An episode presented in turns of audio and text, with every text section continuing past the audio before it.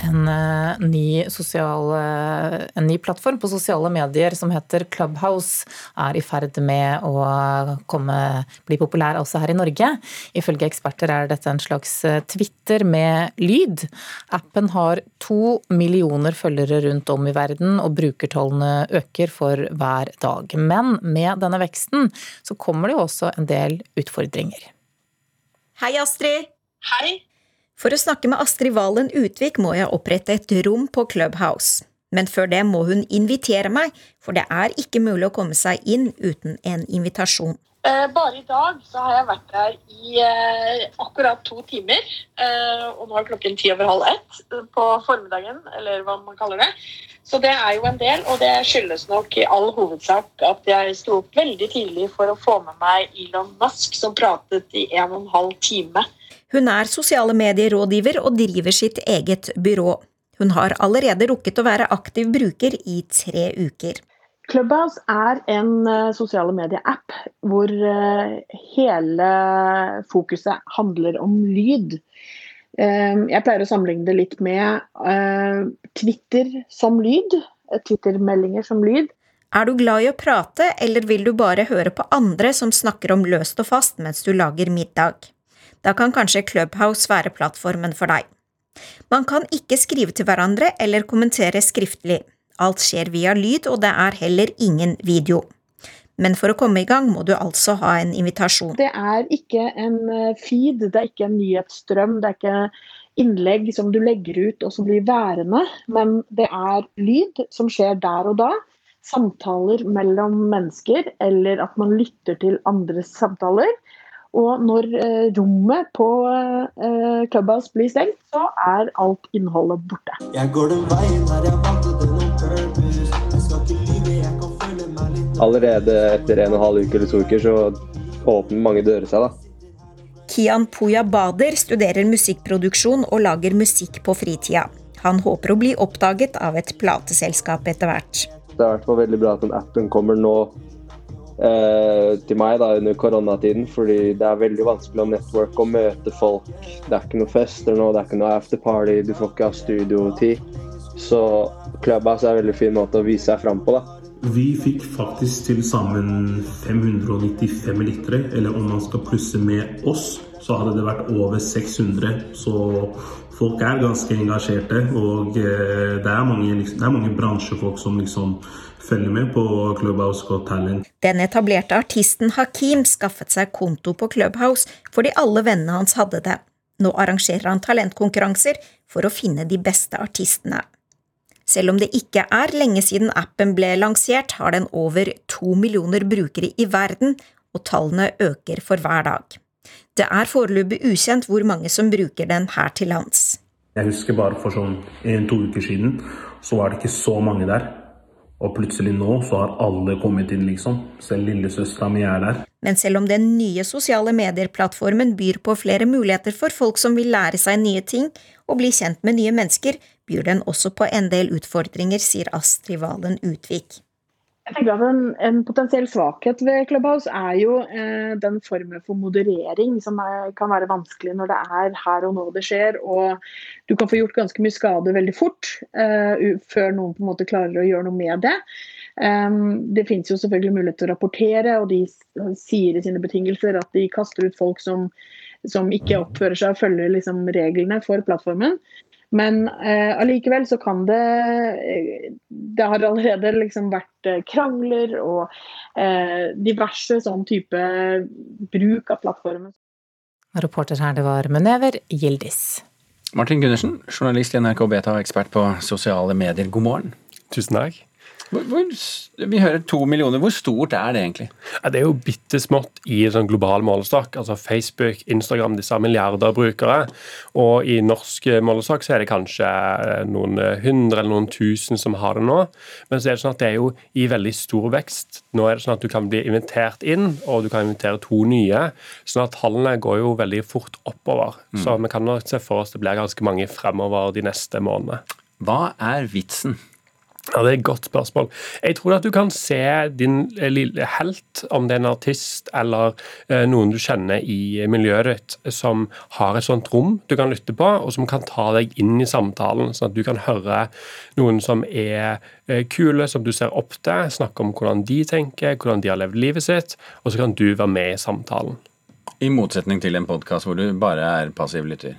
Ja, det er mye av det samme her. sånn at jeg kan jo tenke at Forskjellen her er at du som en podkast av og til kanskje får eh, den gylne billetten og får lov å bli med i samtalen. Og så var det kanskje i to minutter. Men det er kult nok til at du tenker at jeg har lyst til å være i nærheten av klubber. Altså jeg har lyst til å være i disse rommene for å få muligheten. Mm. Hva Uh, what's in it for them, hadde jeg nær sagt. De som da uh, lev, prøver å leve av det. Altså, det er jo det som er spennende, at alle nye sosiale medier som har bygget seg opp, de uh, baserer seg på et løfte. De sier til de som er tidlig ute, at når du er tidlig ute, så kan du bygge din profil, og du vet ikke hvor mye den kan være verdt senere. Eh, vi har ikke nå lansert noen måter å tjene penger på å være stor på Clubhouse, men om to år kanskje, så kan det at du var en av de første, gjøre at du kanskje har et stort show, og nå kan du tjene masse penger på affiliate marketing, eller på at du kan bygge opp podkasten din, eller du kan selge en bok, eh, fordi at du har 200 000 mennesker som jevnlig følger deg på Clubhouse. Så, så er, vi er i sånn prøve- og feile-fase, rett og slett? Ja, definitivt. Og så mm. prøver man eh, litt og litt å finne ut hva er det som funker, hva er det som gjør at folk vil bli. Mm. Så har det kommet en del kritikk, eh, Martin, fordi eh, folk på forskjellig vis kan bli misbrukt. Kan ikke du forklare litt hva den kritikken går på? Ja, så er det jo sånn at eh, Når du er i disse lydrommene, så er det veldig få modereringsverktøy. Så hvis folk kommer med antisemittiske utsagn, hatprat, så har det vært veldig få verktøy for å kunne kaste disse ut og si at de skader eh, miljøet. Eh, nå har disse kommet litt flere av disse verktøyene, men det har vært en sånn større kritikk mot at selskapet 1 ikke prioriterer det nok. De er kun opptatt av vekst. Og at de verktøyene som kommer, de kommer litt seint, og det kommer liksom litt og litt. Mm. Eh, Syns du det er eh, kritikk som er verdt å å konsentrere seg om? Ja, Det er jo noe Facebook og Instagram og Snapchat, alle disse plattformene har fått kritikk for det samme. og Det er jo noe for disse plattformene å vokse opp det er at med alle de gode sidene, så kommer òg skyggesidene. Mm. Tror du dette er noe som kommer til å slå igjennom og bli like stort som Twitter, eller kanskje til og med like stort som Facebook? Det gjenstår å se. Eh, det store spørsmålet er om folk gidder å komme tilbake uke etter uke. Hva tror du? Ja, det er for vanskelig å spå. du, du, tør ikke spå? Det tør jeg ikke. ok, Martin Gundersen, eh, journalist i NRK Beta. Takk skal du ha. Vi fant bilen din et par kilometer fra Kina. Har du noen teori om åssen den havna der, eller? Ja, altså Jeg, jeg vet da søren. Jeg lot jo nøkla stå i tenninga. Så noen må jo bare ha tatt og lånt bilen eller stjålet den. Altså på, på et, eller annet, et eller annet vis klart å liksom kjøre den ut i, ut i grøfta. Hvordan veit du at vi fant bilen i grøfta? Dette er fra TV-serien eh, Rådebank, og nå er det bekreftet at det blir en tredje sesong av denne serien. Det er altså en serie som har blitt en eh, snakkis, og har hatt gode strømmetall her i NRK. Reporter Kristine Hirsti, god morgen. God morgen. Kanskje ikke alle som har sett denne serien, kan du fort oppsummere hva handler den om? Den handler om eh, rånekulturen i Telemark. Den tar for seg en slags eh, rånete machokultur, hvor det overhodet ikke er vanlig å snakke, om, eh, snakke høyt om følelser blant gutta. Og de som står bak serien, forteller at de ville sette psykisk helse blant unge menn på bygda på dagsorden. Og Hvordan har denne serien truffet, hva vet du om det? Altså, Vi vet jo at mange unge menn sliter psykisk. Det er jo nyhetssaker om det hele tiden. Og Fenomen, som lager serien for NRK, sier at de har fått masse mailer fra unge folk som forteller at de kjenner seg igjen. Eh, og Samtidig så har den jo gode tall, så det kan jo se ut til at den har truffet en nerve. Men er det helt avklart at det kommer en tredje sesong? Ja, det er nå nettopp bekreftet fra NRK at det blir en Det er nyheter, nyheter her. i Nyhetsmorgen. Yes.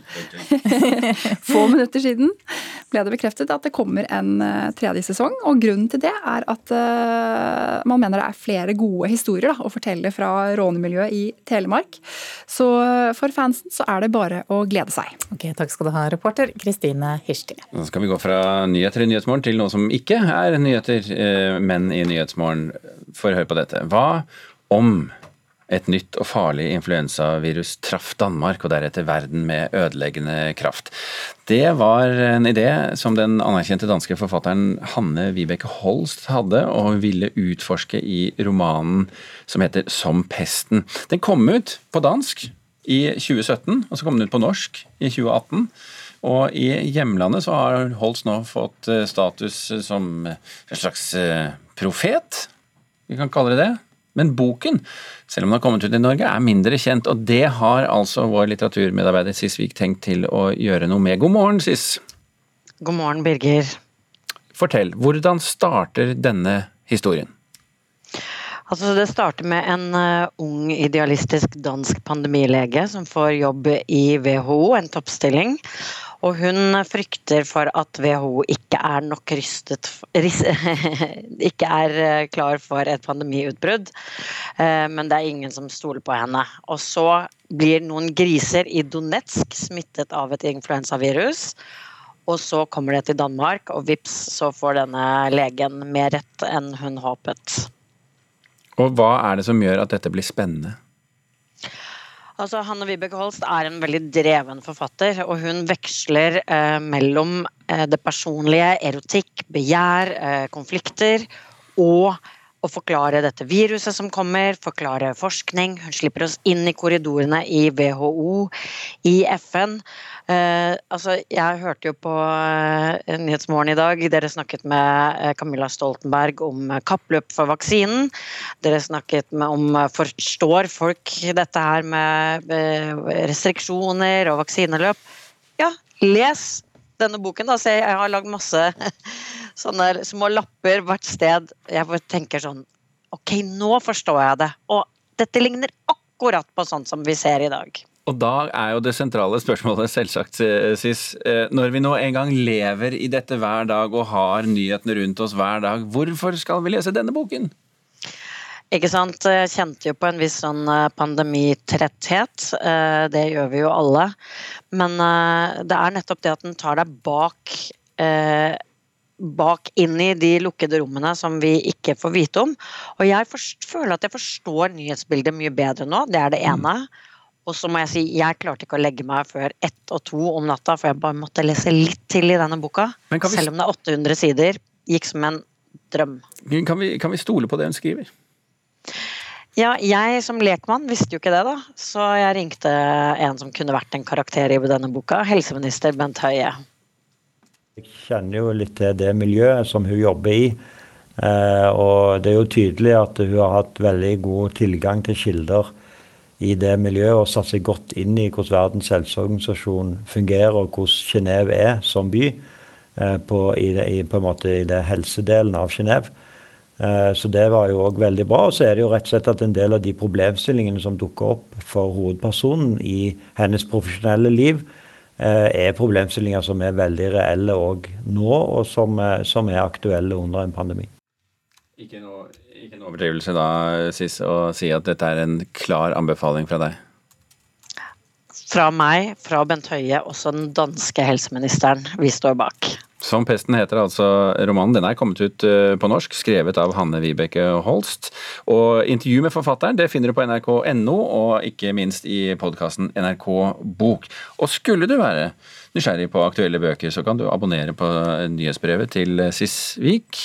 Går inn på nrk.no nyhetsbrev, og så kan du melde deg på der. Sisvik, takk skal du ha.